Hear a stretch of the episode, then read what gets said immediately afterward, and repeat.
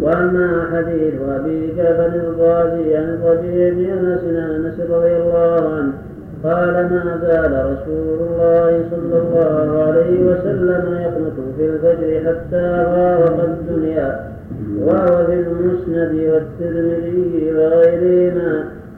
فابو جعفر قد ضعفه أحمد وغيره وقال ابن المديني كان يخلق وقال أبو زرعة. كان يعين كثيرا وقال ابن حبان كان ينفرد بالمناكير عن المشاهير وقال لي شيخنا ابن تيمية قدس الله روحه. وهذا الإسناد نفسه هو إسناد حديث. ويأخذ ربك من بني آدم من ظهورهم. حديث حديث أبي بن الطويل.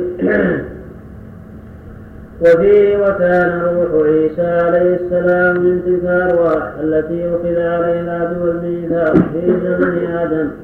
فأرسل تلك الروح إلى مريم عليه السلام حين انتبذت من أهلها مكانا شرقيا. فأرسله الله في صورة بشر فتمثل لها بشرا سويا.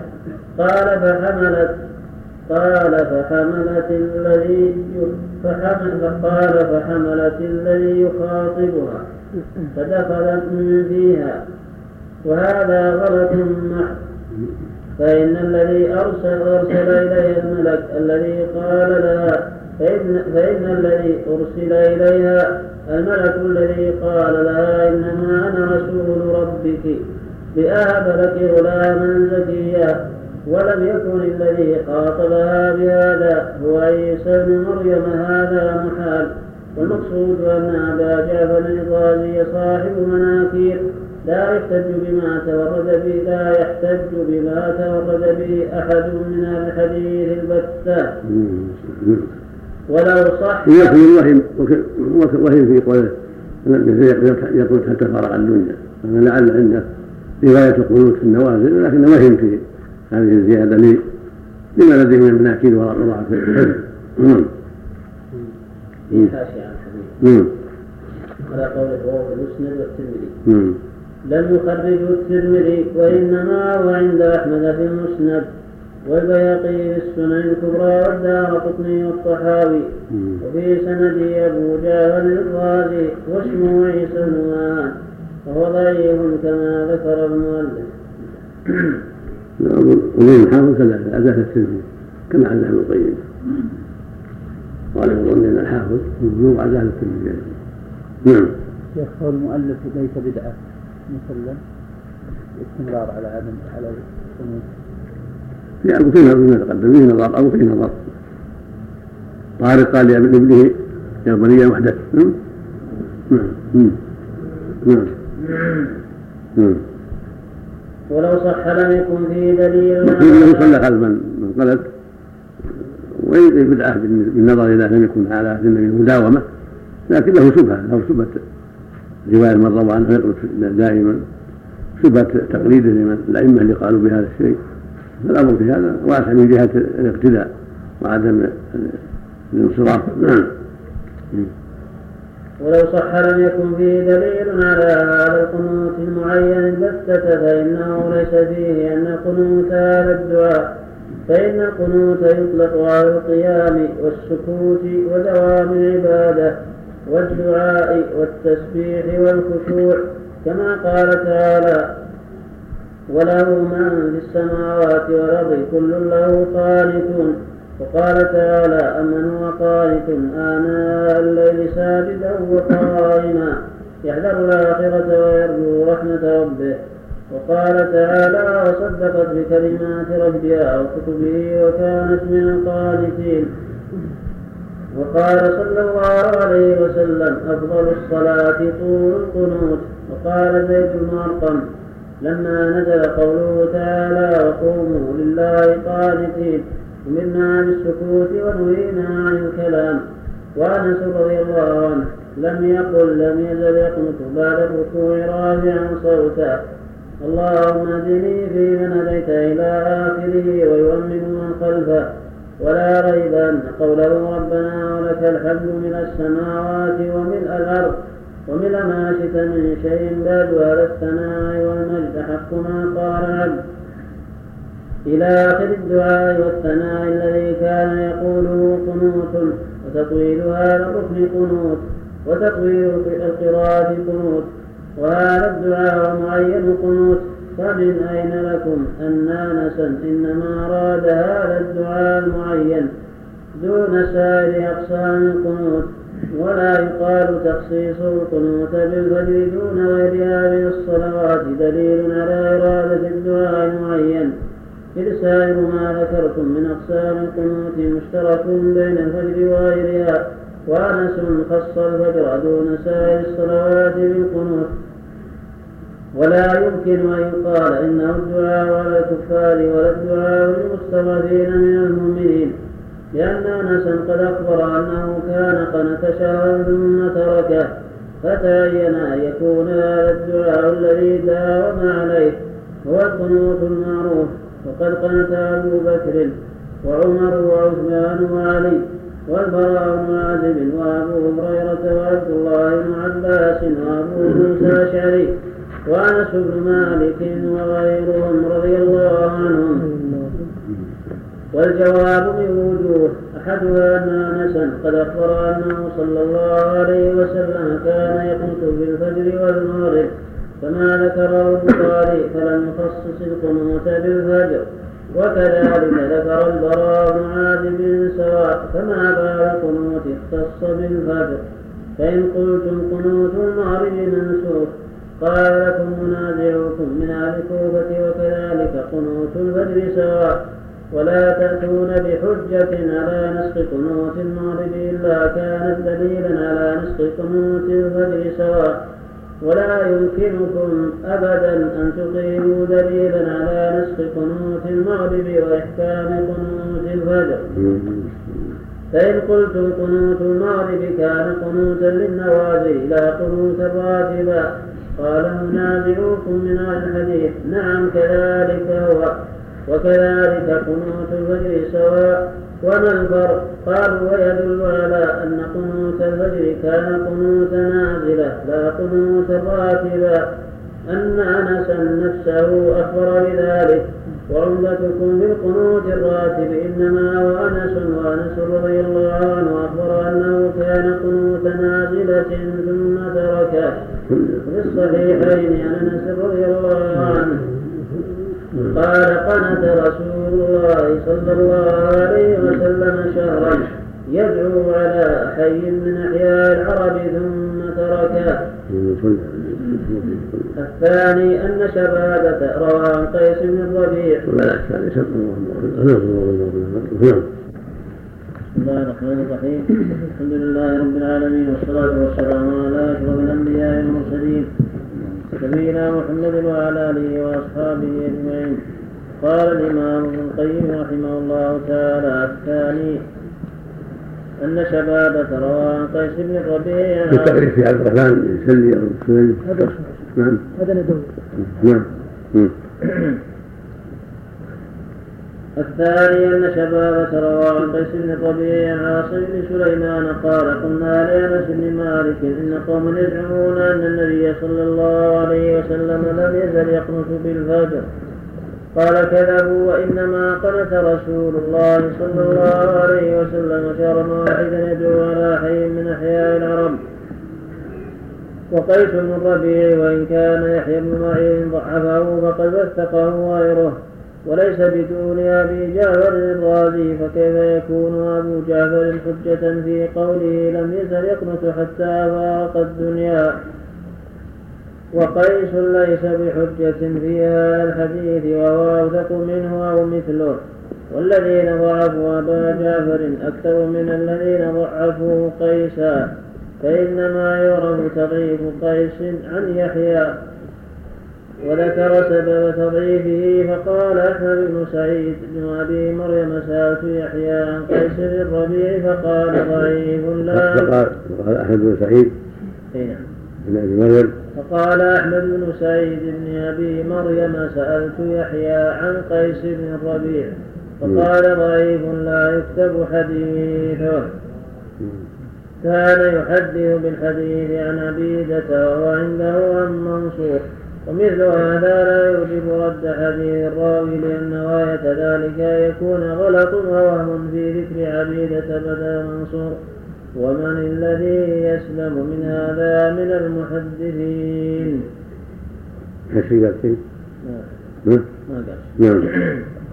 الثالث أن أنسا أخبر أنهم لم يكونوا يقنطون وأن بدا القنوت وقنوت النبي صلى الله عليه وسلم يتلو على فعل وذكوان.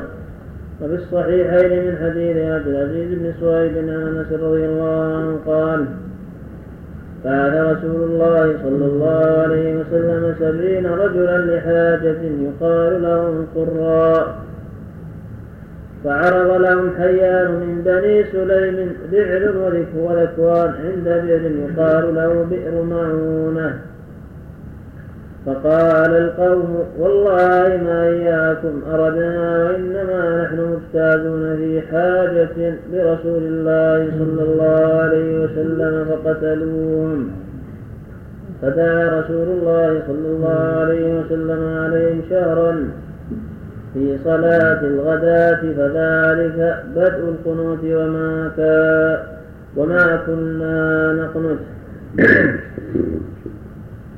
فهذا يدل على أنه لم يكن من النبي صلى الله عليه وسلم القنوت دائما وقول أنس رضي الله عنه وذلك بدء القنوت مع قوله قنت شهرا ثم تركه دليل على أنه أراد بما أثبته من القنوت قنوت النوازل وهو الذي وقته بشهر وهذا كما قنت في صلاة العتمة شهرا كما في الصحيحين عن يحيى بن أبي كثير عن أبي سلامة عن أبي هريرة رضي الله عنه أن رسول الله صلى الله عليه وسلم قنت في صلاة العتمة شهرا يقول في قنوته اللهم أنجي الوليد بن الوليد اللهم أنجي سلامة بن هشام اللهم أنجي عياش بن أبي ربيعة اللهم أنجي المستضعفين من المؤمنين اللهم اشدد وطأتك على مضر. اللهم اجعلها عليهم سنين كسني يوسف. قال أبو هريرة رضي الله عنه أصبح ذات يوم فلم يدع لهم فذكرت ذلك له.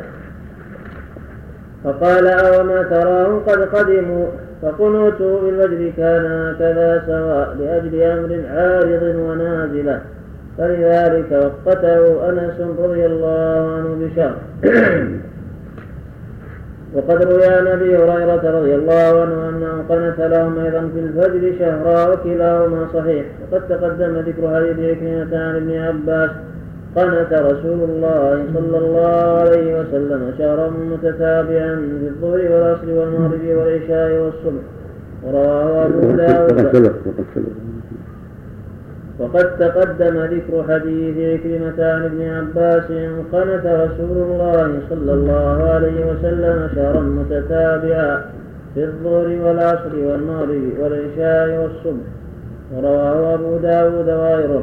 وهو حديث صحيح. رواه أبو داود في الصلاة. نعم. نعم. رواه أبو داود في الصلاة. باب القنوت في الصلوات. وأحمد في المسند إسناده حسن وقد تقدم. نعم. انتهى. نعم. وقد ذكر الطبراني في معجمه من حديث محمد بن أنس حدثنا مطرف بن طريف عن أبي الجهم عن عن البراء بن عازب رضي الله عنه أن النبي صلى الله عليه وسلم كان لا يصلي صلاة مكتوبة إلا قنت فيها. قال الطبراني لم يروه عن مطرف إلا محمد بن أنس انتهى وهذا الإسناد وإن كان لا تقوم به حجة فالحديث صحيح من جهة المعنى لأن القنوت والدعاء. ومعلوم أن رسول الله صلى الله عليه وسلم لم يصل صلاة مكتوبة إلا دعا فيها كما تقدم. وهذا هو الذي أراد أنس رضي الله عنه في حديث أبي جعفر الرازي إن صح أنه لم يزل يقنط حتى فارق الدنيا. ونحن لا نشك ولا نرتاب في صحة ذلك وأن دعاءه استمر في الفجر إلى أن فارق الدنيا. الوجه الرابع أن طرق أحاديث أنس تبين المراد وهذا الإسناد وإن كان لا تقوم به حجة. الحديث صحيح من جهة المعنى لأن القنوت والدعاء ومعلوم أن رسول الله صلى الله عليه وسلم لم يصل صلاة مكتوبة إلا دعا فيها كما تقدم. وهذا الدعاء المعروف العام في سجوده في آخر الصلاة وليس الله دعاء القنوت. نعم.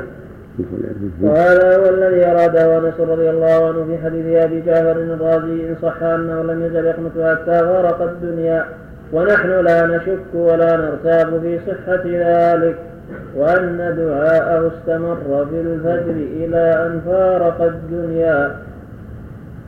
الوجه الرابع أن طرق أحاديث أنس تبين يعني غير ويصدق بعضها بعضا ولا تتناقض. وفي الصحيحين من حديث عاصم الأحول قال سألت أنس بن مالك رضي الله عنه عن القنوت في الصلاة فقال قد كان القنوت فقلت كان قبل الركوع أو بعده قال قبله قلت وإن فلانا وفي الصحيحين من حديث عاصم الأحول قال سألت أنس بن مالك رضي الله عنه عن القنوت في الصلاة فقال قد كان القنوت فقلت كان قبل الركوع أو بعده قال قبله. قلت وإن فلانا أخبرني عنك أنك قلت قنت بعده. قال كذب. إنما قلت قنت رسول الله صلى الله عليه وسلم بعد الركوع شهرا. وقد ظن طائفة من أو قد ظن طائفة أن هذا الحديث معلول تفرد به عاصم وسائر الرواة عن أنس خالفوه فقالوا عاصم ثقة جدا غير أنه خالف أصحاب أنس في موضع القنوتين والحافظ قد يهم والجواب قد يعذر.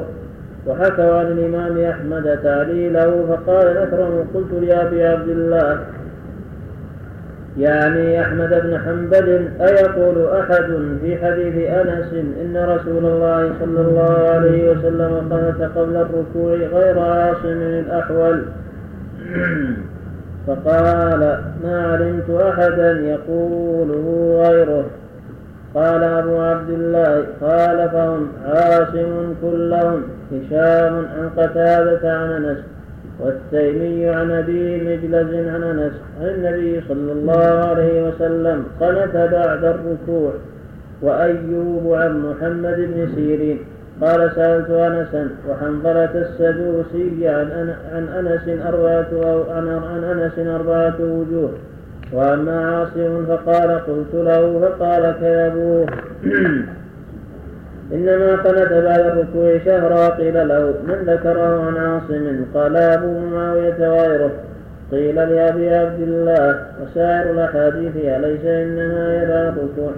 فقال بلى كلها عن عن عن خفاف بن إيماء ابن رحضة وأبي هريرة. قلت لأبي عبد الله فلم ترخص إذا في القنوت قبل الركوع وإنما صح قلت لأبي عبد الله فلم ترخص؟ فلم ترخص إذا في القنوت قبل الركوع وإنما صح الحديث بعد الركوع. فقال القنوت في الفجر بعد الركوع وفي الوتر يختار بعد الركوع. ومن قنت قبل الركوع فلا بأس بفعل أصحاب النبي صلى الله عليه وسلم واختلافهم. فأما في الفجر فبعد الركوع. فيقال من العجب تعليل هذا الحديث الصحيح المتفق على صحته ورواه أئمة ثقات أثبات حفاظ والاحتجاج بمثل حديث أبي جعفر الرازي وقيس الربيع وعمر بن أيوب وعمر بن عبيد ودينار وجابر الجعفي وقل من تحمل مذهبا وانتصر له في كل شيء إلا اضطر إلى هذا المسلك. فنقول وبالله التوفيق أحاديث أنس كلها صحاح تصدق بعضها بعضا ولا تتناقض. والقنوت الذي ذكره قبل الركوع غير القنوت الذي ذكره بعده والذي وقته غير الذي أطلقه. فالذي ذكره قبل الركوع هو إطالة القيام للقراءة والذي قال فيه النبي صلى الله عليه وسلم أفضل الصلاة طول القنوت والذي ذكره بعده هو إطالة القيام للدعاء. فعله شهرا يدعو على قوم ويدعو لقوم ثم استمر يطيل هذا الركن. ثم استمر يطيل هذا الركن للدعاء والثناء إلى أن فارق الدنيا. كما في الصحيحين عن ثابت عن أنس رضي الله عنه. قال إني لا أزال أصلي بكم كما كان رسول الله صلى الله عليه وسلم يصلي بنا. قال وكان انس يصنع شيئا لا اراكم تصنعونه. كان إذا رفع رأسه من الركوع انتصب قائما حتى يقول القائل قد نسيه. وإذا رفع رأسه من السجدة يمكث حتى يقول القائل قد نسي فهذا هو القنوت الذي ما زال عليه حتى فارق الدنيا. ومعلوم أنه, أنه لم يكن يسكت في مثل هذا هذا الوقوف الطويل. بل كان يثني على ربه ويمجده ويدعوه. وهذا غير القنوت المؤقت بشرط فإن ذلك دعاء على ذعر وذكوان وعصية وبني لحيان ودعاء للمستضعفين الذين كانوا بمكة. وأما تخصيص هذا بالفجر فبحسب سؤال السائل فإنما سأله عن قنوت الفجر. فأجابه عما سأله عنه. وأيضا فإنه كان يطيل صلاة الفجر دون سائر الصلوات ويقرأ فيها بالستين إلى المئة. وكان كما قال البراء بن عازب رضي الله عنه ركوعه واعتداله وسجوده وقيامه متقاربا. وكان يظهر من وكان يظهر من تطويله بعد الركوع في صلاة الفجر. ما لا يظهر في سائر الصلوات بذلك. ومعلوم أنه كان يدعو الخلاصة في هذا الخلاصه أن المعروف النبي صلى الله عليه وسلم في الأحاديث الصحيحة أنه كان يقوله بعد الركوع لا قبل الركوع. في النوازل وفي الوتر كله يكون قبل بعد الركوع. هذا هو المعروف في الأحاديث الصحيحة الكثيرة. من حديث ابن عمر وابي هريرة والبراء وغيرهم. وأما رواية آنس التي انفرد بها عاصم بن سليمان الأحول أنه قال قبل الركوع هذه إن صحت ولم يكن أنس وهم فيها فقد تاولها القيم رحمه الله على المراد القنوت الدائم الذي هو الطاعة و... و... والتمسك لله سبحانه وتعالى وليس المراد قنوت المعروف الذي هو الدعاء على قوم أو لقوم وإنما هو إطاعة القيام. ولم يزل يقول يعني يطيل قيامه حتى فرغ الدنيا يعني لم يزل في الطاعة. ولكن هذا فيه نظر لأن صلاة النبي صلى الله عليه وسلم معلومة أن يطول في الثنتين الأوليين ويقصر في الأخرين وقنوتكم في الأخيرة. في الرابعة في الظهر والعصر والعشاء والثالثة في المغرب الثالثة في الفجر. القنوت كان يكون في الأخيرة بعد الركوع هذا هو المعروف. فالأقرب والله أعلم أن ما قاله أنس مثل ما قال الحفاظ وهو من من عاصم خالفه الحفاظ. ورووا أن القنوت كان بعد الركوع لا قبله فيكون بالنهضانه لأن الجواز يعثر والثقة قد يغلط ويهم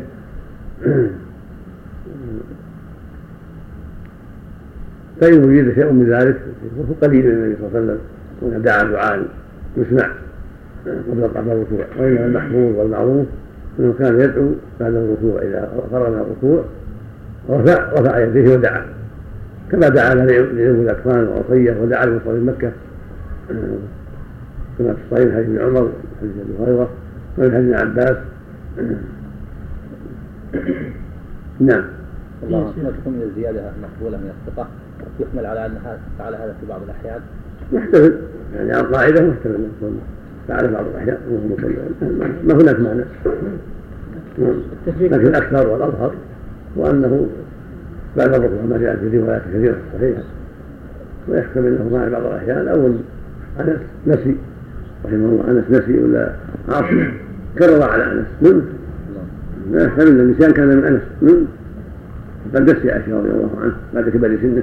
نعم نعم الله يجزيك التفريق بين الوتر والفريضة. أن الوتر قبل الركوع وفي الفريضة يكون بعد الركوع. كلها بعد الركوع حتى في الوتر؟ القنوت بعد الركوع. نعم. يا شيخ رفع اليدين أثناء الدعاء. ثبت في القنوت أنه رفع يديه في قنوت. النوازل نعم. الإمام أحمد يميل نعم. كلام الإمام أحمد لما قال قلت لأبي عبد الله فلم ترخص إذا في القنوت قبل الركوع؟ وإنما صح الحديث بعد الركوع. قال فقال القنوت في الفجر بعد الركوع. وفي الوتر يختار بعد الركوع؟ وفي فقال القنوت في الفجر بعد الركوع. وفي الوتر يختار بعد الركوع ومن كان أو من قنت قبل الركوع فلا بأس بفعل أصحاب النبي صلى الله عليه وسلم واختلافهم. أما في الفجر فبعد الركوع. هذا شيء آخر. هذا شيء آخر. يعني كان ليس بمعتمد على رواية عاصم روي عن بعض الصحابة. ولكن معروف في القنوت صلى الله عليه وسلم كان بعد الركوع هذا نعرف الروايات نعم. إلا هذه الرواية أنه كان يدعو ربه ويثني عليه ويمجده في هذا الاعتبار كما تقدمت الأحاديث بذلك وهذا قنوت منه لا ريب. ونحن لا نشك ولا نرتاب أنه لم يزل يقنط في الفجر حتى فارق الدنيا. ولما صار القنوت في لسان الفقهاء وأكثر الناس هو هذا الدعاء المعروف. اللهم اهدني فيمن هديت إلى آخره. وتسمعوا انه لم يزل يقنط في الفجر حتى فارق الدنيا وكذلك الخلفاء الراشدون وغيرهم من الصحابة. حملوا القنوت في لفظ الصحابة على القنوت في اصطلاحهم ونشأ من لا يعرف غير ذلك. ولم يشك أن رسول الله صلى الله عليه وسلم وأصحابه كانوا مداومين عليه كل غداء وهذا هو الذي نازعهم فيه جمهور العلماء. قالوا لم يكن هذا من فعل الراتب بل ولا يثبت عنه أنه فعله وغاية ما روي عنه في هذا القنوت أنه علمه للحسن بن علي كما في المسند والسنن الأربع عنه رضي الله عنه قال علمني رسول الله صلى الله عليه وسلم كلمات نقولهن في قنوت الوتر. اللهم اهدني فيمن هديت وعافني فيمن عافيت وتولني فيمن توليت. وبارك لي فيما أعطيت وقني شر ما قضيت فإنك تقضي ولا يقضى عليك إنه لا يعل من وليت. تباركت ربنا وتعاليت. قال الترمذي حديث حسن ولا نعرف في القنوت عن النبي صلى الله عليه وسلم شيئا أحسن من هذا وزاد البيهقي بعد ولا يذل من واليت ولا يعز من عاديت. ومما يدل على أن مراد انس من القنوت بعد الركوع والقيام. نعم. على الأول. رواه الترمذي في الصلاة. باب ما جاء في القنوت في الوتر وأبو داود في الصلاة. باب القنوت في الوتر وابن ماجه في الإقامة. باب ما جاء في القنوت في الوتر والنسائي في قيام الليل. باب الدعاء في الوتر وأحمد في المسند والدارمي والطيالسي من طريق بريد ابن أبي مريم. التصغير نعم. عن أبي حوراء السادي قال قال الحسن بن علي رضي الله عنهما علمني رسول الله صلى الله عليه وسلم كلمات أقولهن في الوتر إلى آخره وإسناده صحيح وصححه الحاكم. وقال الترمذي هذا حديث حسن لا نعرفه إلا من هذا الوجه من حديث أبي الحوراء السادي. واسمه ربيعة بن شيبان ولا نعرف عن النبي صلى الله عليه وسلم في القنوت في الوتر شيئا أحسن من هذا واختلف أهل العلم في القنوت في الوتر فرأى عبد الله بن مسعود القنوت في الوتر في السنة كلها واختار القنوت قبل الركوع وهو قول بعض أهل العلم وبه يقول سفيان الثوري وابن المبارك وإسحاق وأهل الكوفة. نعم. اي نعم. على قوله أيضا تعليقا قليل. وزاد البيهقي بعد ولا يذل من واليت ولا يعز من عليه. رواه البيهقي في السنن الكبرى في الصلاة. باب دعاء القنوت وهي زيادة حسنة. نعم. نعم. بعد ختم القرآن قبل الركوع. كراهة القارئ وعن بعض السلف. لا يمر عن النبي صلى الله عليه وسلم إنه يروى عن بعض السلف نعم. بعضهم يعني مثلا بعض الشافعية عندنا في مثل يقال لأبي شجاع أنهم يرون القنوت مثلا في النصف الأخير في شهر رمضان في السنة بالإضافة إلى الفجر. فهل لهذا دليل؟ يروى عن أبي كعب كان يقنط في النصف الأخير. نعم. نعم. لكن الأفضل في جميع مثل ما علم النبي حسن. نعم. هذا. يعني طوال السنة. نعم طوال صلاة. الوتر ولو بعد دخول الفجر يا شيخ. نعم. لا إذا دخل الفجر انتهى الوتر أو تقول قبل أن تصبحوا. لكن إذا خشي الوقت يبادر البركة بعض الكتب في حديث إذا إذا خاف الوقت يبادر النبي صلى الله عليه وسلم قبل الصلاة. نعم. في كتاب يقول إنه كان يصليها قبل صلاة الفجر. من غلط. النبي قال أوصوا قبل أن تصبحوا عليه الصلاة والسلام. إذا خشي أحد الوصول صلى ركعة واحد تكون له ما قد صلى. قال يكون في آخر الليل فإذا جاء الصبح تحقق الصبح أمسك لكن إذا أوتره يؤذن لأن الناس يؤذن على ظن الفجر على التقويم. إذا أوتره يؤذن لا لا لا حرج إن شاء الله. نعم. كتبت عن ابن عمر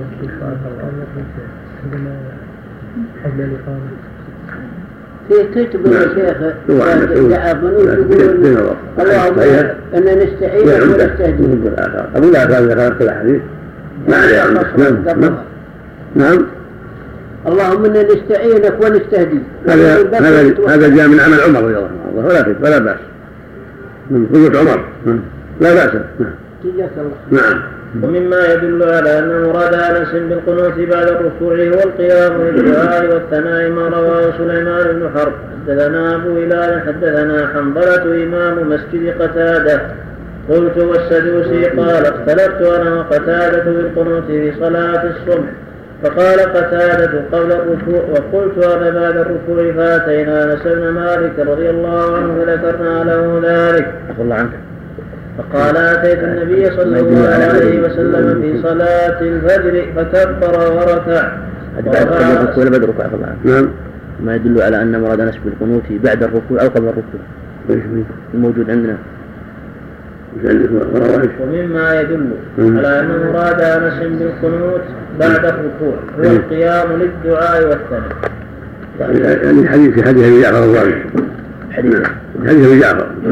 في حديث عاصم في حديث يدل ما ياتي شوف ما يأتي نعم فذكرنا له ذلك فقال أتيت النبي صلى الله عليه وسلم في صلاة الفجر فكبر وركع ورفع رأسه ثم سجد ثم قام في الثانية فكبر وركع ثم رفع رأسه فقام ساعة ثم وقع ساجدا.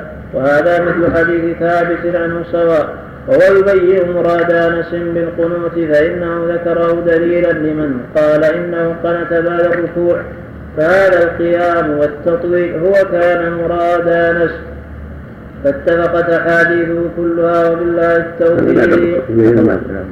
نعم. وأما المروي عن الصحابة فنوعان أحدهما قنوت عند النوازل كقنوت الصديق رضي الله عنه في محاربة الصحابة لمسيلمة. وعند محاربة أهل الكتاب وكذلك قنوت عمر وقنوت علي عند محاربته لمعاوية والي الشام.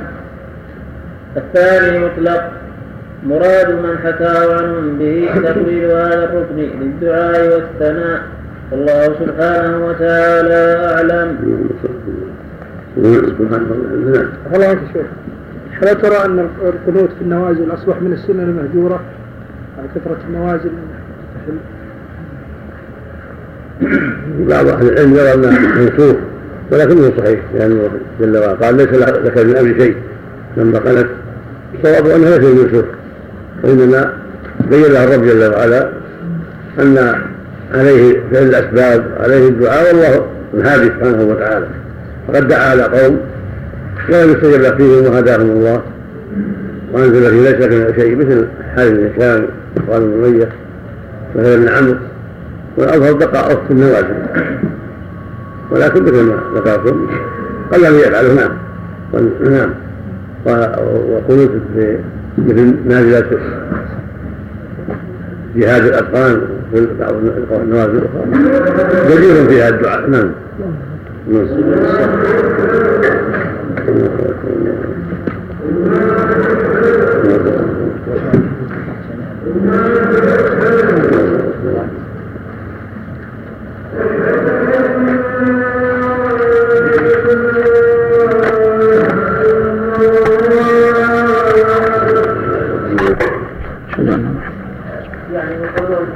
الحديث. يعني أن الرسول صلى الله عليه وسلم نهى رجلا من أن يصلي السنة يعني بعد الفجر. فهل يعني علمت شيئا يعني عن مدى هذا الحديث؟ لا أعلم إيه. إذا النهي العام عن الصلاة من الصبح. إيه. يستغنى من ذلك سنة الفجر. إيه. إذا صلاها فلا بأس. أو صلاها بعد ارتفاع الشمس فهو أفضل. لكن هل ورد فيها رخصة؟ نعم ورد أوصى لو صلاها قبل حديث العيد بعد صلاة الصبح. إيه. نعم رواه ابن حبان وغيره نعم في نعم إذا صلى سنة في بيته ثم جاء وصلى تحت المسجد أفضل أفضل الجلوس صليها ثم يجلس لكن لو جاء ما صلى سنة الفجر تكفي سنة الفجر على التحية يصلي التحية سنة الفجر تكفي على التحية وإلا وهما جميعا فكذلك الصحابي يروي الحديث منهم اللي أخرجه ابن حبان ما أتذكر الآن. عمر بن قيس. ما أتذكر. نعم. نعم. عبد الرحمن السلمي. إيش في هو؟ ستة. عبد الرحمن هذا؟ اي نعم. كلها سلمي؟ اي نعم. أي. كلهم متأخرين. لا يراجع ترجمة الأشعث بن قيس. أو يراجع ترجمة الأشعث. ما روى عنه. نعم. سم. نعم. على فجعل على المنبر. هذا يجوز نعم. الحمد لله رب العالمين. نعم. والسلام على نبينا محمد. وعلى آله وصحبه أجمعين. قال النسائي رحمه الله. أبو جهل راح دعا عليه النبي وكفى ودعا على الكفار موجودين الآن. لا تسبوا الأموال كما قد أفضلوا إلى ما قدموا. لكن كفر الكفار موجودين. أولى بالدعاء عليهم. نعم. أما أبو جهل كفاك النبي دعا عليه وقتله الله وانتهى إلى النار. نعم. نعم. بسم الله الرحمن الرحيم. الحمد لله رب العالمين. والصلاة والسلام على أشرف الأنبياء والمرسلين نبينا محمد وعلى آله وأصحابه أجمعين. قال الإمام ابن القيم رحمه الله تعالى فصل في هديه صلى الله عليه وسلم في سجود السهو. ثبت عنه صلى الله عليه وسلم أنه قال إنما أنا بشر مثلكم أنسى كما تنسون فإذا نسيت فذكروني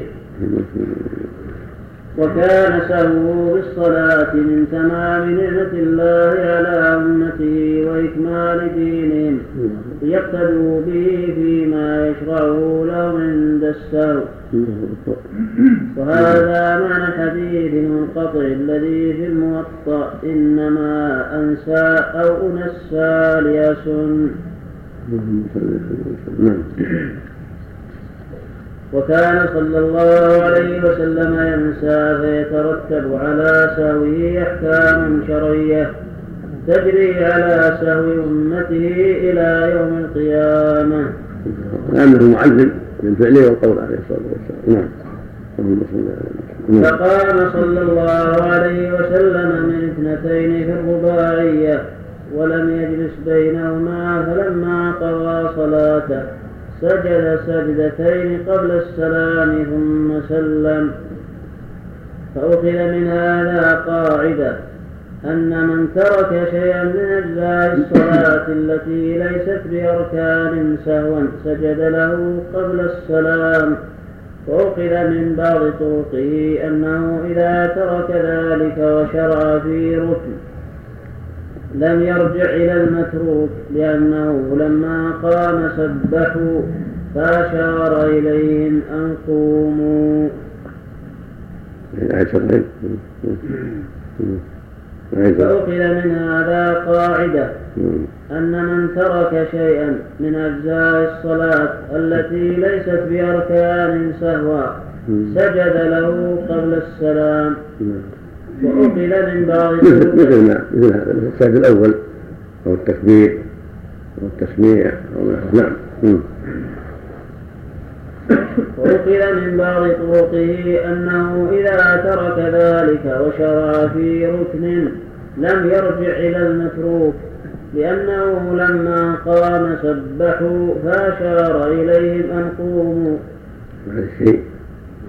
نعم. واختلف عنه في محل هذا السجود. ففي الصحيحين من حديث عبد الله بن وحينة رضي الله عنه أنه صلى الله عليه وسلم قام من اثنتين من الظهر ولم يجلس بينهما. فلما قضى صلاته سجد سجدتين ثم سلم بعد ذلك. وفي رواية متفق عليها يكبر في كل سجدة وهو جالس قبل أن يسلم. وفي المسند من حديث يزيد بن هارون عن المسعودي عن زياد بن علاقة قال صلى بنا المغيرة بن شعبة فلما صلى ركعتين قام ولم يجلس. فسبح به من خلفه فأشار إليه من قوموا فلما فرغ من صلاته سلم ثم سجد سجدتين وسلم. ثم قال ثم قال هكذا صنع بنا رسول الله صلى الله عليه وسلم وصححه الترمذي. وذكر البيهقي من حديث عبد الرحمن بن شماسة المهري قال صلى بنا عقبة بن عامر الجهني فقام عليه جلوس. فقال الناس سبحان الله سبحان الله فلم يجلس ومضى على قيامه.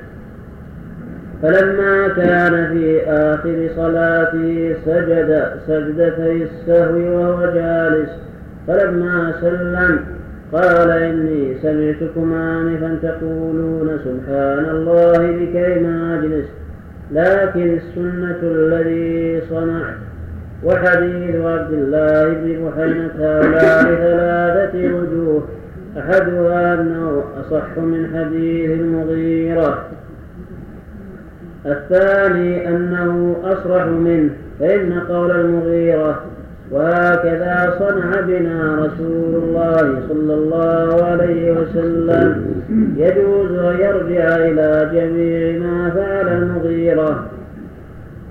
ويكون قد سجد النبي صلى الله عليه وسلم في هذا السهو مرة قبل السلام ومرة بعده فحكى ابن بحينة ما شاهده وحكى المغيرة ما شاهده فيكون كلا الأمرين جائزا. ويجوز أن يريد المغيرة أنه صلى الله عليه وسلم. قام ولم يرجع ثم سجد للسهو. الثالث أن المغيرة لعله نسي السجود قبل السلام وسجده بعده. وهذه صلة السهو. وهذا لا يمكن أن يقال بالسجود قبل السلام والله أعلم. وهناك علة هناك علة أخرى وهي أن المسعودي يضعف في الحديث وقد اختلط فلعله وحي.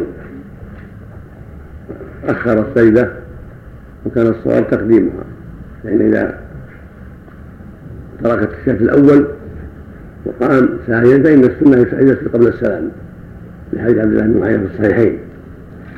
فلعل هذا هو الواقع. في حديث المغيرة وهم المسعودي فجعلها بعد السلام. والأمر في هذا واسع سجد قبل السلام أو بعد السلام. أجزاء لكن الأفضل قبل السلام في مثل هذا. كلمة حسي عليه فيه؟ على إيش؟ حديث مسعودي المغيرة. نعم؟ إيه. نعم. رواه الإمام الإمام أحمد في المسند وأبو داود في الصلاة. باب من نسي أن يتشهد والترمذي بالصلاة باب ما جاء في الإمام يناظر. والمسعودي هو عبد الرحمن بن عبد الله بن عتبة بن مسعود. صدوق اختلط قبل موته لكن تابعه عند الترمذي عبد الرحمن بن أبي ليلى عن الشعبي فهو حسن. ولذلك صححه الترمذي كما قال المصنف. فيبقى فيأتي حين الجمع الثاني وهو أن يقال إنه فعل هذا مرة وهذا مرة ليبين للأمة جواز الأمرين عليه الصلاة والسلام. مرة سجد قبل السلام مرة سجد بعد السلام. ليعلم الأمة جواز الأمرين. وهذا لا لا يستغرب له فإن هذا قد وقع له أمثاله عليه الصلاة والسلام. نعم. وسلم صلى الله عليه وسلم من ركعتين في إحدى صلاتي العشي إما الظهر إما الظهر وإما العصر ثم تكلم ثم أتم ثم سلم ثم سجد سجدتين بعد السلام والكلام. يكبر حين يسجد ثم يكبر حين يرفع. وذكر أبو داود والترمذي أن النبي صلى الله عليه وسلم صلى بهم فسجد سجدتين ثم تشهد ثم سلم. وقال الترمذي حسن غريب وصلى يوما فسلم وانصرف وقد بقي من الصلاة ركعة. فأدركه طلحة بن عبيد الله فقال نسيت من الصلاة ركعة. فرجع فدخل المسجد. وأمر بلالا. وسلم صلى الله عليه وسلم من ركعتين. في إحدى صلاتي العشي إما الظهر إما الظهر وإما العصر ثم تكلم. ثم أتمها ثم سلم ثم سجد سجدتين بعد السلام والكلام. يكبر حين يسجد ثم يكبر حين يرفع. وذكر أبو داود والترمذي أن النبي صلى الله عليه وسلم صلى بهم فسجد سجدتين ثم تشهد ثم سلم. وقال الترمذي حسن غريب وصلى يوما فسلم وانصرف وقد بقي من الصلاة ركعة. فأدركه طلحة بن عبيد الله فقال نسيت من الصلاة ركعة. فرجع فدخل المسجد وأمر بلالا فأقام الصلاة فصلى للناس ركعة. ذكره الإمام أحمد رحمه الله. هكذا ذكره النسائي أيضا. سيان حسيان رواه الإمام أحمد في المسند وأبو داود في الصلاة. باب إذا صلى خمسة من حديث معاوية بن حدي حدي. من حديث معاوية بن حدي. نعم. وإسناده صحيح. النسائي أيضا. النسائي نعم. كم كلام لكن الشيخ الإقامة. الإشكال في هذا قال فأمره بيقيم الصلاة هذا هو محل الإشكال. المعروف في الصحيحين من حديث عمران بن حصين في مسلم حديث عمران بن حصين أنه دخل في الصلاة ولم يقيم ولم يقم بالإقامة. لما سلم من ثلاث قام إلى بعض حجر نسائه فنبه تبعه من يديه ونبهه فرجع وأكمل الصلاة. ولم يقل في الصحيح إنه اقام أمر ومن جاءت في رواية أحمد وأبي داود والنسائي نعم فيها إشكال لأن الصلاة قد أقيمت هذا كمال لها وتمام لها. فروايه الصحيح لعلها أظهر لعلها اقامه وهم لعله وهم لأن الصلاة قد أقيمت وإنما بقي تمامها بسبب نعم. أحسن الله إليك. إذا صلى خمس وواحد فايته ركعة. ما يعتبر ما يعتبر. نعم. يجلس لا يقوم معه. يجلس ما يقوم يوم كمن علم أنها زايد يجلس. يجلسين يسلم. ثم يسلم معه. هم اللي اللي فايت الشيء يقوم عبد الله الشيخ إن لم يعلم بها. نعم. صلى ما علم بها إلا بعد. بعض أهل العلم يرى أنها تك- تكفي لكن إذا عاد يكون أحوط. إذا كان ما علم بعد يعيد إذا طال الفصل. يعيد الصلاة. كلها. نعم. شيخ الخروج مثل خروج النبي إلى حجر لا يكون طول الفصل. لا ما ما دام من, جنس هذا وامثاله ما ما يعد الطول. فعل النبي يفسر الطول والقصر. نعم صلى الله عليه وسلم. قول بلال انه أقام الصلاة يعني لعله نبه الناس وجمعهم. لأن هذا مسكوت عنه في الصحيحين. محتمل بس إطلاق فامره يقيم الصلاة. يعني ظاهره الاقامه معروف لا يمكن يخفى لو كان يعني أقام أمر غريب هذا يعني محتمل. ولهذا العمل على أنه يدخل فيها ويكمل. نعم. لأن الناس في حكم الصلاة كيف يقيم يقول في حكم الصلاة؟ ومعاوية الصحابي صغير كذلك؟ لا ظاهر الرواية أن خبر القصة صريح رواية النسائي قال فدخل الرسول صلى الله عليه وسلم فقام له رجل فقال سألته فسألته عنه من هو؟ فقالوا أبو طلحة. فقال طلحة بن عبيد الله. هو ظاهر في صريح أنه حاضر. فدخل وأمر في رواية النسائي. نعم. نعم. توكد يا شيخ الله عنك توكد للناس للركعة وقيم الصلاة للركعة ولا تكفي بين إذا تقد تاقد إذا تأكد ما يقصد ركعة يكمل بس. ما يحتاج إقامة. كمل. نعم. يكفي السهو نعم. نعم. نعم. وصلى الظهر خمسا فقيل له زيد في الصلاة. قال وما ذاك؟ قالوا صليت خمسا فسجد سجدتين بعدما سلم متفق عليه. وصلى العصر ثلاثا ثم دخل منزله فذكره الناس فخرج وصلى بهم ركعة. ثم سلم ثم سجد سجدتين ثم سلم. صل عليه اللهم صل عليه وسلم. فهذا مجموع ما حفظ عنه صلى الله عليه وسلم من ساويه بالصلاة وهو خمسة مواضع. وقد تضمن سجوده في بعضه قبل السلام وفي بعضه بعده. فقال الشافعي رحمه الله كله قبل السلام وقال أبو حنيفة رحمه الله كله بعد السلام. وقال مالك رحمه الله كل سهو كان نقصانا في الصلاة فإن سجوده قبل السلام.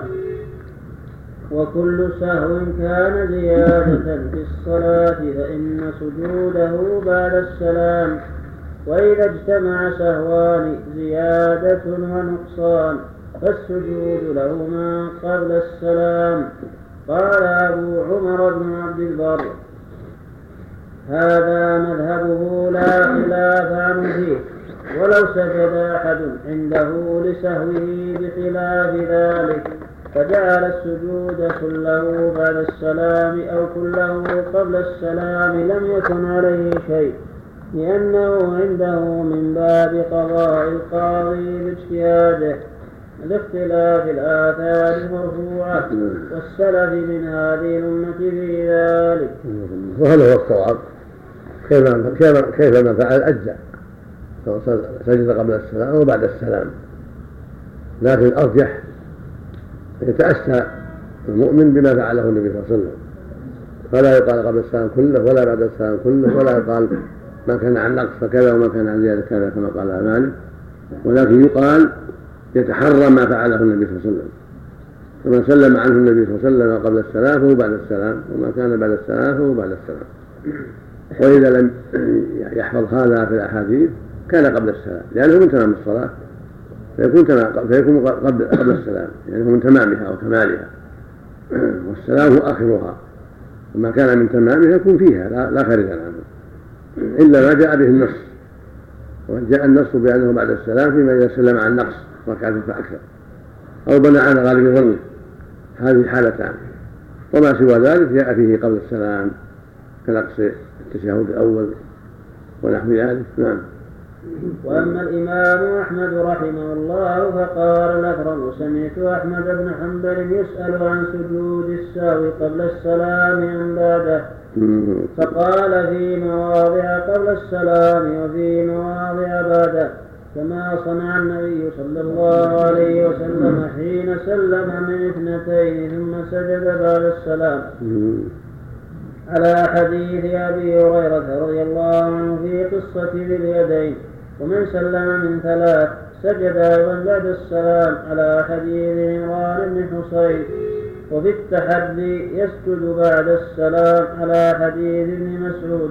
وفي القيام من اثنتين يسجد قبل السلام على حديث ابن بحينة وفي الشك يبني على اليقين ويسجد قبل السلام على حديث أبي سعيد الخدري وحديث عبد الرحمن بن عوف. وهذا هو الأصح.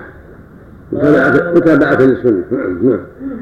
فقلت لأحمد بن حنبل فما كان سوى هذه المواضع؟ قال يسجد فيها كلها قبل السلام. لأنه نعم. لأنه يتم ما نقص من صلاته. قال ولولا ما روي عن النبي صلى الله عليه وسلم لرأيت السجود كله قبل السلام. لأنه من شأن الصلاة فيقضي قبل السلام.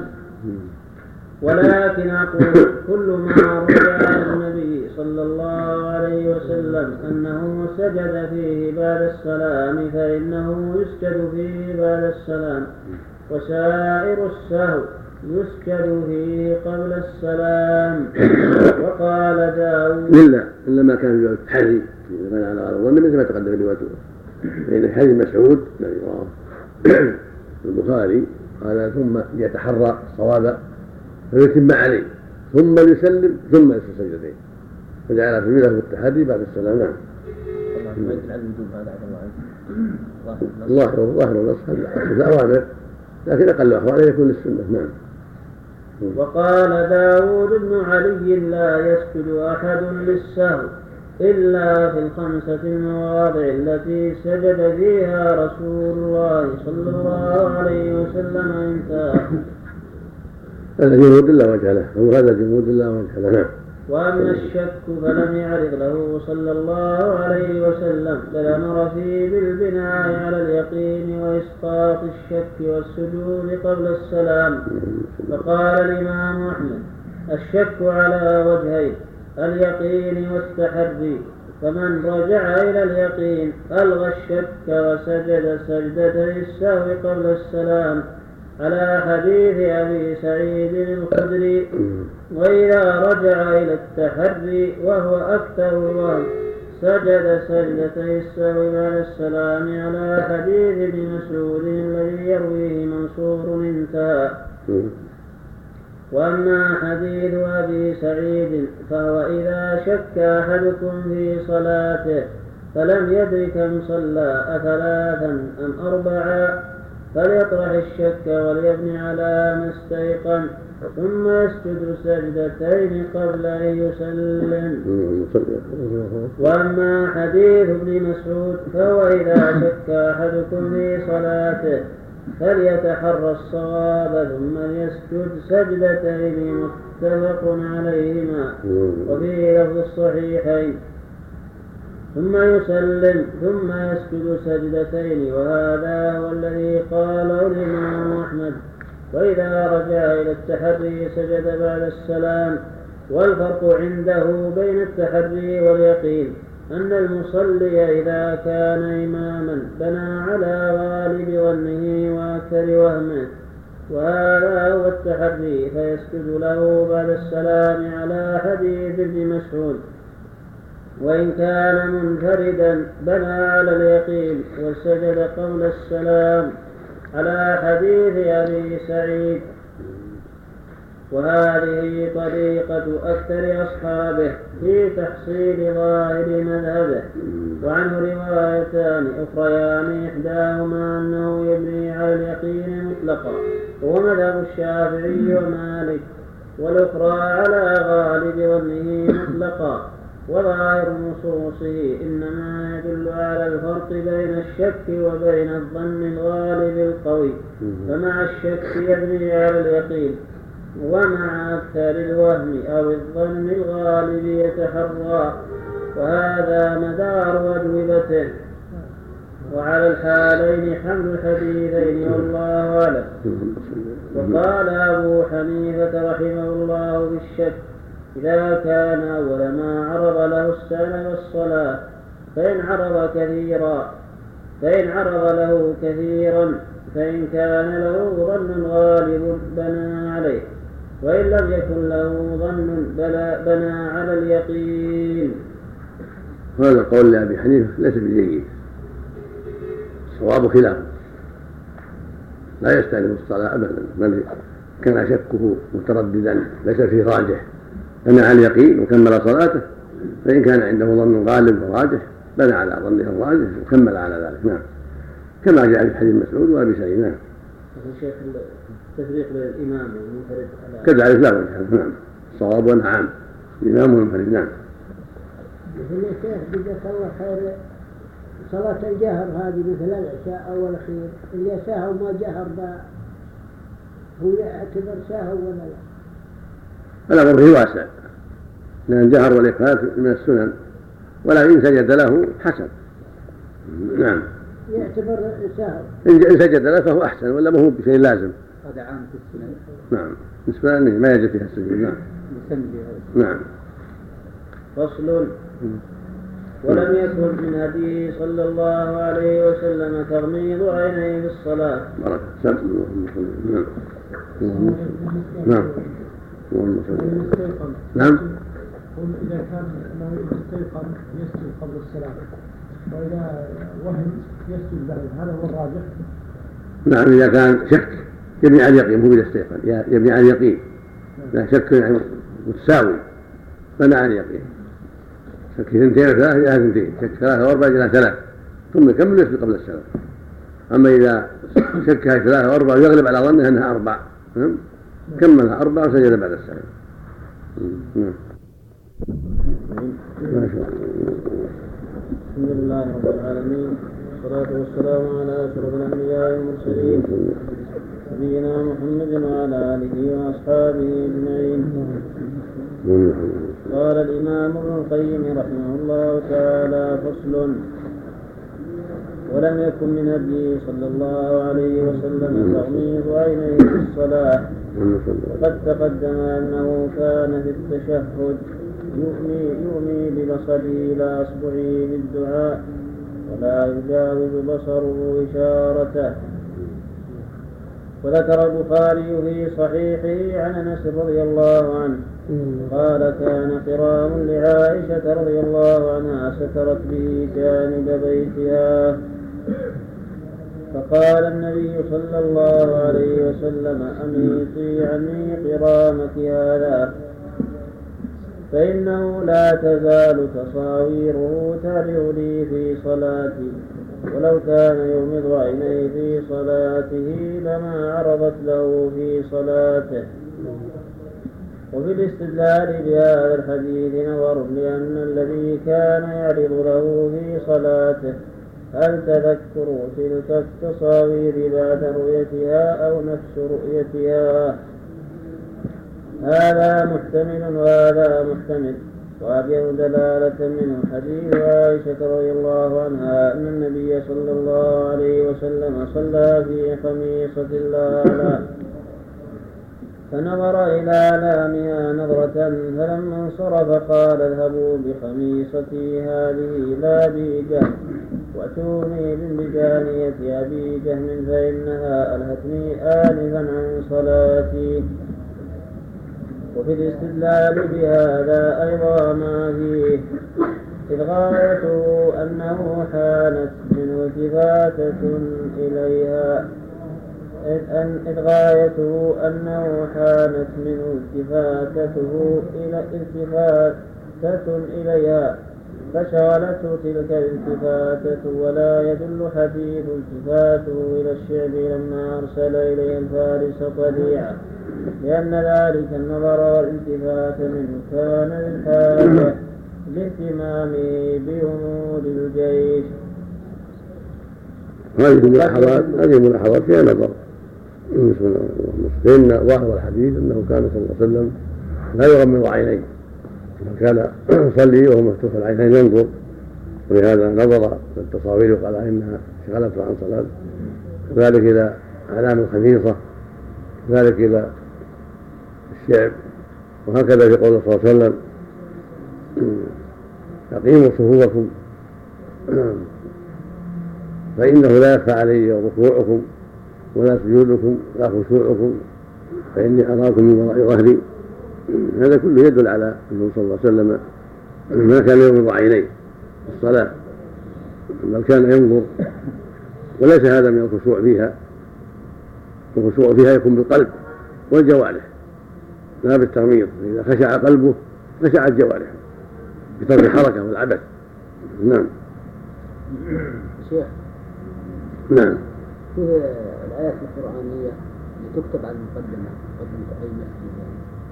يعني هل هذه؟ ولما إيش؟ الآيات القرآنية تكتب على المقدمة مقدمة بعض المساجد تكتب عليها آيات قرآنية. من داخل؟ نعم. لا ما ينبغي مكروه عند أهل العلم لأنها قد تشغل المصلين. ينبغي يكون ساده عندنا ساده ما في شيء لا قرآن ولا غيره. لا يكون في نقوش أمام المصلين ولا يكون في آيات ولا أحاديث. نعم لأن هذه تشغل المصلين صوف الأول ونحوها نعم. وقد يدل على ذلك مد يده في صلاة الكسوف ليتناول العنقود لما رأى الجنة وكذلك رؤيته النار وصاحبة الهرة فيها وصاحب المحجن وكذلك حديث مدافعة البهيمة التي أرادت أن تمر بين يديه ورده الغلام والجارية وحجه بين الجاريتين وكذلك أحاديث رد السلام بالإشارة على من سلم عليه وهو الصلاة فإنه إنما كان يشير إلى من يراه وكذلك حديث تعرض الشيطان له فأخذه فخنقه. وكان ذلك رؤية عين.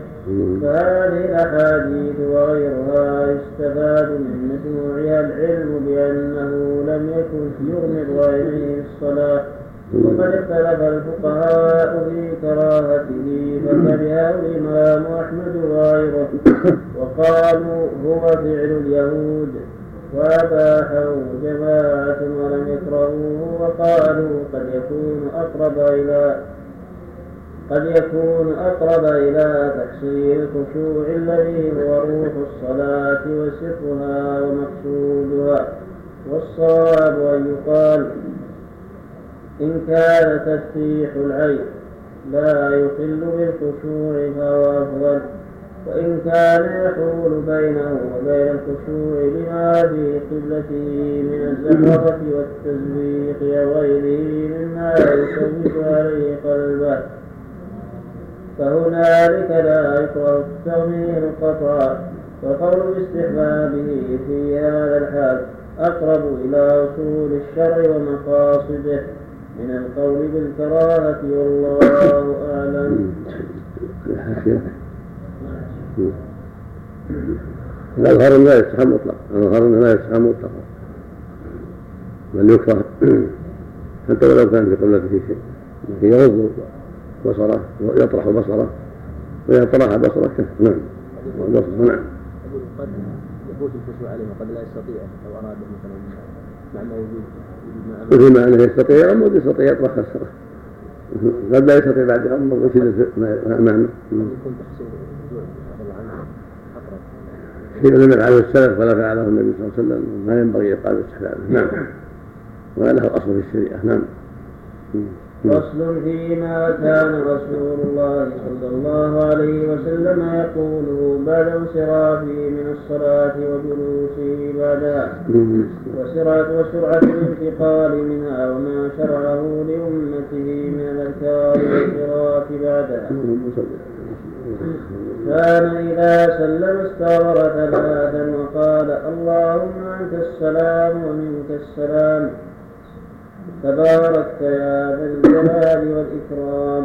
ولم يمكث مستقبل القبلة إلا ما إلا مقدار ما يقول ذلك. بل يسرع الانتقال إلى المأمومين. هذه سنة المعروفة صلى الله عليه وسلم. وثابت في حديث ثوبان من حديث عائشة رضي الله كما يأتي. نعم فإذا قال هذا انصرف المأمومين. نعم. حتى ولو كان في المغرب ولو كان في الفجر التي فيها الأذكار. لا إله إلا الله عشر مرات كلها تكون بعد انصرافه نعم. وكان ينفتل عن يمينه وعن يساره وكان وكان ينفتل عن يمينه وعن يساره وقال ابن مسعود رضي الله عنه رأيت رسول الله صلى الله عليه وسلم كثيرا ينصرف عن يساره. وقال أنس رضي الله عنه أكثر ما رأيت رسول الله صلى الله عليه وسلم ينصرف عن يمينه. الأول في الصحيحين والثاني في مسلم. كل أخبر عما كل أخبر عما رأى. كل أخبر عما رأى. والأمر فيه ساعة سواء انحرف عن يمينه وعن شماله. نعم. صلى عليه اللهم صل عليه وقال عبد الله بن عمرو رضي الله عنه رأيت رسول الله صلى الله عليه وسلم ينفتل عن يمينه وعن يساره في الصلاة. ثم كان يقبل على المأمومين بوجهه ولا يخص ناحية منهم دون ناحية. وكان إذا صلى الفجر جلس في مصلاه حتى تطلع الشمس. يعني غالبا يعني غالبا. نعم. نعم. وكان يقول في دبر كل صلاة مكتوبة لا إله إلا الله وحده لا شريك له له الملك وله الحمد وهو على كل شيء قدير. اللهم لا مانع لما أعطيت ولا معطي لما منعت ولا ينفع ذا الجد منك الجد.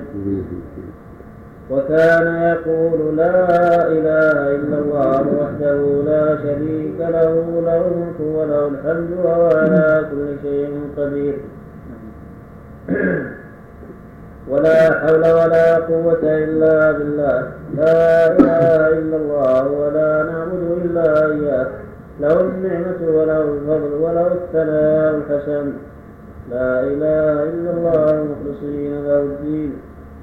مخلصين له الدين ولو كره الكافرون. وذكر الأول الأول رواه الشيخان عن المغيرة.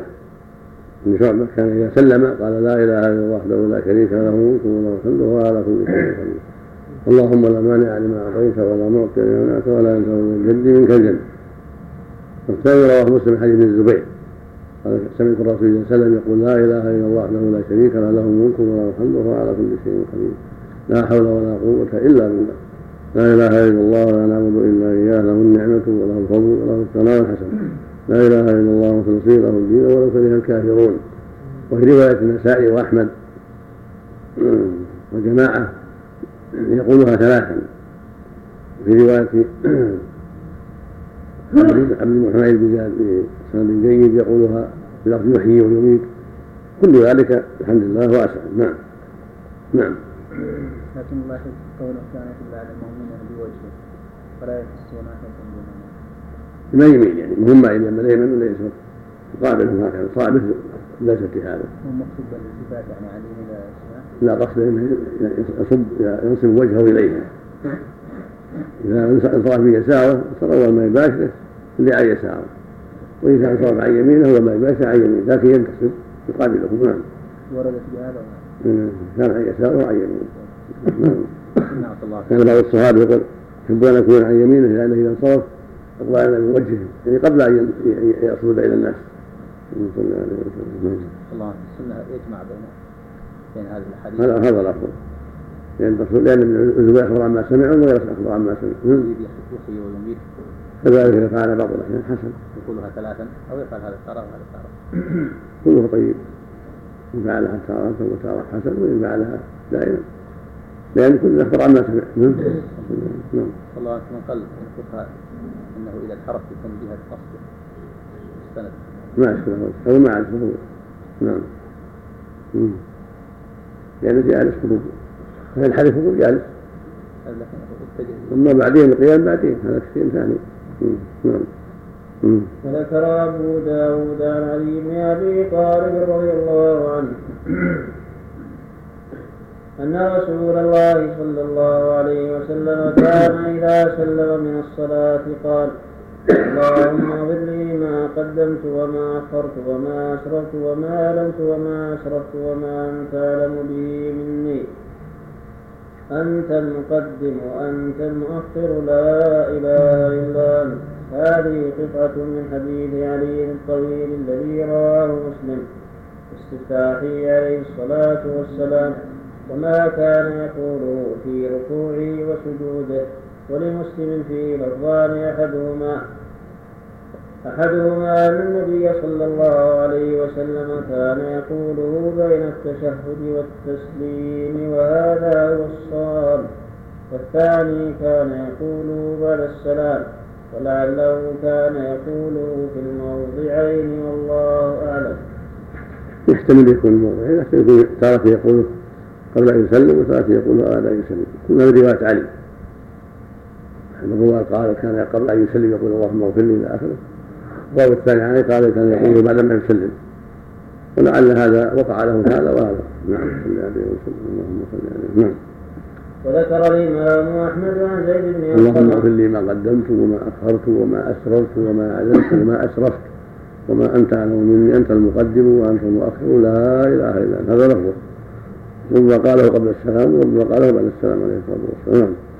نعم وذكر الإمام أحمد عن زيد بن أرقم رضي الله عنه قال كان رسول الله صلى الله عليه وسلم يقول في دبر كل صلاة اللهم ربنا رب كل شيء ومليكه أنا شهيد أنك الرب وحدك لا شريك لك اللهم ربنا ورب كل شيء أنا شهيد أن محمدا عبدك ورسولك. اللهم ربنا ورب كل شيء أنا شهيد أن العباد كلهم إخوة.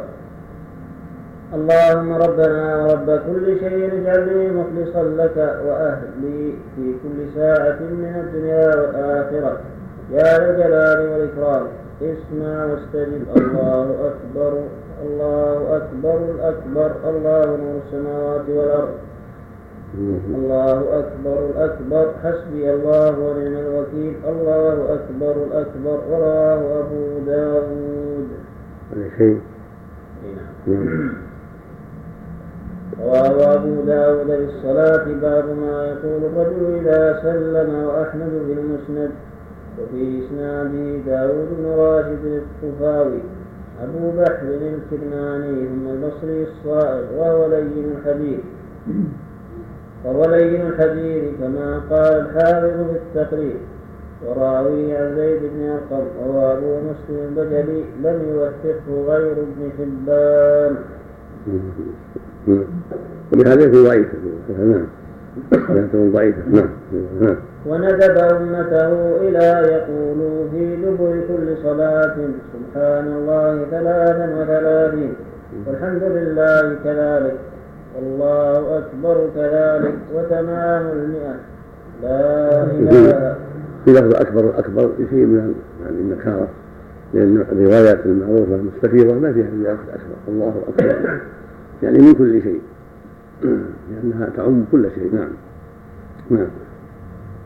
وندب أمته إلى يقول في دبر كل صلاة سبحان الله ثلاثا وثلاثين والحمد لله كذلك والله أكبر كذلك وتمام المئة لا إله إلا الله وحده لا شريك له له الملك وله الحمد وهو على كل شيء قدير وفي صفة أخرى التكبير أربعا وثلاثين فتتم به المئة وفي صفة أخرى خمسا وعشرين تسبيحة ومثلها تحميدة ومثلها تكبيرة.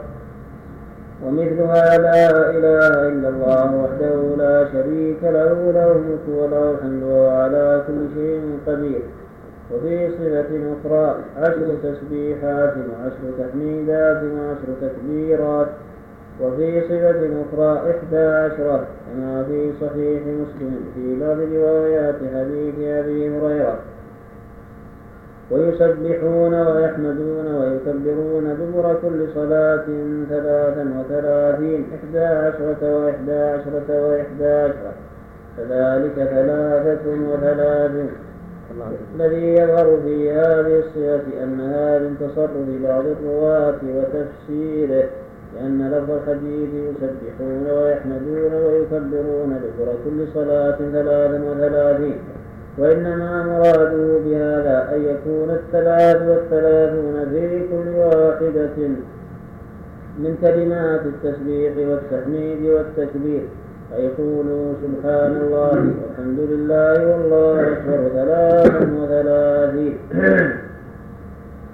لأن راوي الحديث سمي عن أبي صالح السمان وبذلك يسره أبو صالح قال قولوا سبحان الله والحمد لله والله أكبر حتى يكون منهن كلهن ثلاث حتى يكون منهن كلهن ثلاث وثلاثون وأما تخصيصه بإحدى عشرة فلا نظير له في شيء من الأذكار بخلاف المئة فإن لها نظائر.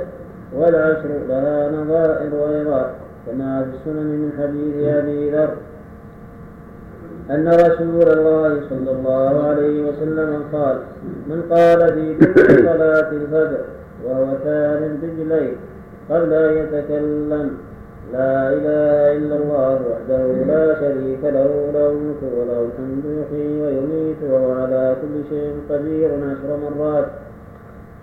كتب له عشر حسنات ومحي عنه عشر سيئات ورفع له عشر درجات. وكان يومه ذلك كله في حزن من كل مكروه وحرس من الشيطان ولم ينبغي لذنب أن يدركه في ذلك اليوم إلا الشرك بالله. قال الترمذي حديث حسن صحيح. من جاء زواج من حديث أبي أيوب وغيره المغرب والفجر جميعا. هو مستحب بعد الفجر والمغرب عشر مرات. لا إله إلا الله وحده لا شريك له الملك وله الحمد يحيي الملك وهو على كل شيء قدير. واصح ما ورد في هذا في أنواع نحو سبعة أنواع. اصحها ما جاء في حديث فقراء المهاجرين. أنهم اشتكوا إلى النبي صلى الله عليه وسلم أن أهل الأموال غبنوهم قال إن إخواننا أهل الأموال لهم فضول الأموال يتصدقون منها ويعتقون وليس لنا شيء من ذلك. فقال صلى الله عليه وسلم ألا أعلمكم ما تدركون به من سبقكم وتسبقون من بعدكم ولا يكون أحد أفضل منكم إلا من عمل مثل ما عملتم. قالوا بلى يا رسول الله قال تسبحون وتحمدون وتكبرون دبر كل صلاه ثلاث وثلاثين مرة. ففعلوا. ثم رجعوا اليه الصلاة والسلام قالوا يا رسول الله سمع إخواننا أهل الأموال ففعلوا مثل ما فعلنا. فقال النبي صلى الله عليه وسلم ذلك فضل الله يؤتيه من يشاء. هذا هو أصح ما ورد في هذا رواه الشيخان من حديث أبي هريرة رضي الله عنه. والصفة الثانية مثل هذا لكن بزيادة لا إله إلا الله وحده لا شريك له الملك وله الحمد وهو على كل شيء كما من مئة وهو مسلم. الصفة الثالثة مثل ذلك لكن بجعل التكبير 34 حتى يكون التسبيح 33 التكبير 33 والتكبير 34 أو عن 100 وهو مسلم من حديث كعب بن عجرة والصفة الرابعة مثل ما تقدم التسبيح والتحميد والتكبير 25 ويزاد فيه التحليل لا إله إلا الله تكون الجميع خمسه من كل واحدة خمسه وعشرون جميع 100 رواه النسائي وجماعه يقول سبحان الله والحمد لله ولا إله إلا الله 25 مرة. يكون جميع 100 تسبيحا وتحميدا وتكبيرا وتهليلا. والصفة الأخرى عشر مرات. تسبيحات تحميدات تكبيرات. والأخرى إحدى عشرة. عرفت ما فيها من الكلام. المؤلف كل هذه أنواع. من يؤمن يأتي بها بعد الصلاة. وأكملها وأفضلها ثلاث ثلاثين مرة ويختمها بالتهليل. لا إله إلا الله لا شريك له ملك ولا حمد ولا على كل شيء قدير. نعم. الله. إذا كان 25 يزيد لا إله إلا الله. نعم. هناك يقول جعل كامل لا اله ولا شريك له. ما ما رأيت ما ذكر أصلا. وما ذكره المؤلف ما اعرف الاصل جاء في رواية لا إله إلا الله اختصر اختصر سبحان الله والحمد لله ولا إله إلا جاء. رجلا من الصحابة رأى في النوم رؤيا فقال قال له قائل لو أنكم زدتم فيها لا إله إلا الله وجعلتم خمسة وعشرين فأتى النبي صلى الله عليه وسلم فقال له ذلك قال فقال افعلوا نعم. لكنها خارج الصحيح نعم. رواه النسائي وجماعة نعم. حديث أبي نعم. حديث أبي ذر الأخير. نعم. خرجه الإمام أحمد غير الترمذي زيادة خرجه من حديث أبي أيوب أيضا. وأظن طريقة ثالثة من حديث آخر حديث الصحابي الآن. أبي ذر. وأبي أيوب وثالث. ذكر. عندكم. نعم. رواه الترمذي في الدعوات. وفي سنده شهر بن حوشب وهو ضعيف. رواه أحمد بن مسند ليس بمسلم قوله ضعيف ليس بمسلم غلط. صدوق لا بأس به لكن له أوهام بقى الحافظ ليس بضعيف نعم. ولا سيما وله شواهد نعم. رواه مسلم رحمه الله نعم. نعم. قول المؤلف شعيب ضعيف ليس بجيد. نعم. نعم. ورواه أحمد بن مسلم. نعم. من حديث الحسن لا بأس به نعم. من حديث هشام بن ما لم يخالف الفاء نعم. نعم عبد الرحمن بن غنم الأشعري ولم يذكر هذا. هذا هذا الثالث وعبد الرحمن بن غنم مختلف في صحبته. نعم. لكن له شاهد دون قوله من قال دبر كل صلاة وهو ثالث به عند أحمد وأبي داود وابن ماجه. من حديث أبي عياش الزرقي أن رسول الله صلى الله عليه وسلم قال من قال إذا أصبح لا إله إلا الله وحده لا شريك له. له الملك وله الحمد وهو على كل شيء قدير. كان له حبل رقبة من ولد إسماعيل. وكتب له عشر حسنات وحط عنه عشر سيئات ورفع له عشر درجات وكان في حجم من الشيطان حتى يمسي وإن قال إذا أمسى كان له مثل ذلك حتى يصبح وسنده حسن وأخرج أحمد من حديث أبي أيوب بسند صحيح من قال حين يصبح لا إله إلا الله وحده لا شريك له له الملك وله الحمد يحيي ويميت وهو على كل شيء قدير عشر مرات. كتب الله له بكل واحدة قالها عشر حسنات وحط الله عنه عشر سيئات. ورفعه الله بها عشر درجات وكن له كعشر رقاب. وكن له مسلحة من أول النهار إلى آخره ولم يعمل يومئذ عملا يقهرهن. فإن قال حين يمسي فمثل ذلك. نعم اللهم صل ان الحديث هذه المتعددة كلها يشهد بعضها لبعض تدل شرعية ذلك بعد بعد صلاة الفجر وبعد صلاة المغرب. والتي والتي فيها عدم التصريح يوضحها ما في التصريح ما فيه التصريح نعم. يفسر بعضها بعضا. نعم. نعم. زيادة شهر الحاشر يقول ثاني رجله رجلين يكون مقيد.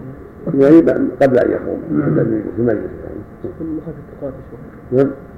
ما يكون مخالف الثقات شهر لا لا، زيادة يعني هذه زيادة. ما تخالف زيادة. سكتوا وزاد. هذا في حق الإمام الإمام لابد أن ينصرف. ما في ما يضر لو لو انصرف رجله مسيت ولا انصرف أو رجله مسيت ولا انصرف ما اعتقد هذا المقصود قبل أن يقوم يعني. نعم. رفع عشر درجات في الجنة. نعم. رفع عشر درجات. في الجنة نعم. الله أكبر. نعم. إذا انتقل من مكان لمكان آخر. نعم. الأفضل يقولها قبل أن يرتحل هذا الأفضل نعم. وفي مسند الإمام أحمد اللهم صل على وسلم نعم. الله إليك ورد هذا الفضل في من قال 100 مرة في الصحيح. هذا حديث آخر. قال في الصحيحين. من حديث أبي هريرة رضي الله عنه. ما فيها تقييم. من قال لا إله إلا الله وحده لا شريك له الملك وله الحمد وهو على كل شيء قدير في يوم مئة مرة. يعني سواء في الضحى ولا في الظهر ولا في أي وقت. كانت له عشر عشر رقاب. كتب الله له مئة حسنة ومحى عنه مئة سيئة وكان في حزب للشيطان في يوم, في يوم حتى يمسي. ولم يأتي أحد بأفضل منه إلا عمل إلا من الرجل إلا رجل عمل أكثر من عمله. رواه البخاري في الصحيحين عن أبي هريرة رضي الله عنه. زاد الترمذي يحيي ويميت بإسناد صحيح رحمه الله. نعم. قوله حين يصبح وحين يمسي. بعد صلاة المغرب بعد الصلاة بعد صلاة المغرب. وإن قالها بعد ذلك يرجى لها هذا الفضل إن شاء الله لكن الأفضل بعد الصلاة نعم. وإن قالها بعد ذلك أو قبل ذلك يرجى لها هذا الفضل نعم. نعم. نعم. نعم. بعد الانصراف بعد انصرف قبل أن يقوم مكانه يعني نعم. هذا أفضل وإن قالها بعد ذلك الأمر واسع. الحمد لله وفي مسند الإمام أحمد من حديث أم سلمة رضي الله عنها أنه صلى الله عليه وسلم علم ابنته فاطمة رضي الله عنها لما جاءت تسأله الخادمة فأمرها أن تسبح الله عند النوم ثلاثا وثلاثين. وتحمده ثلاثا وثلاثين وتكبره ثلاثا وثلاثين وإذا صلت الصبح أن تقول لا إله إلا الله وحده لا شريك له له الملك وله الحمد وهو على كل شيء قدير عشر مرات وبعد صلاة المغرب عشر مرات. عليه؟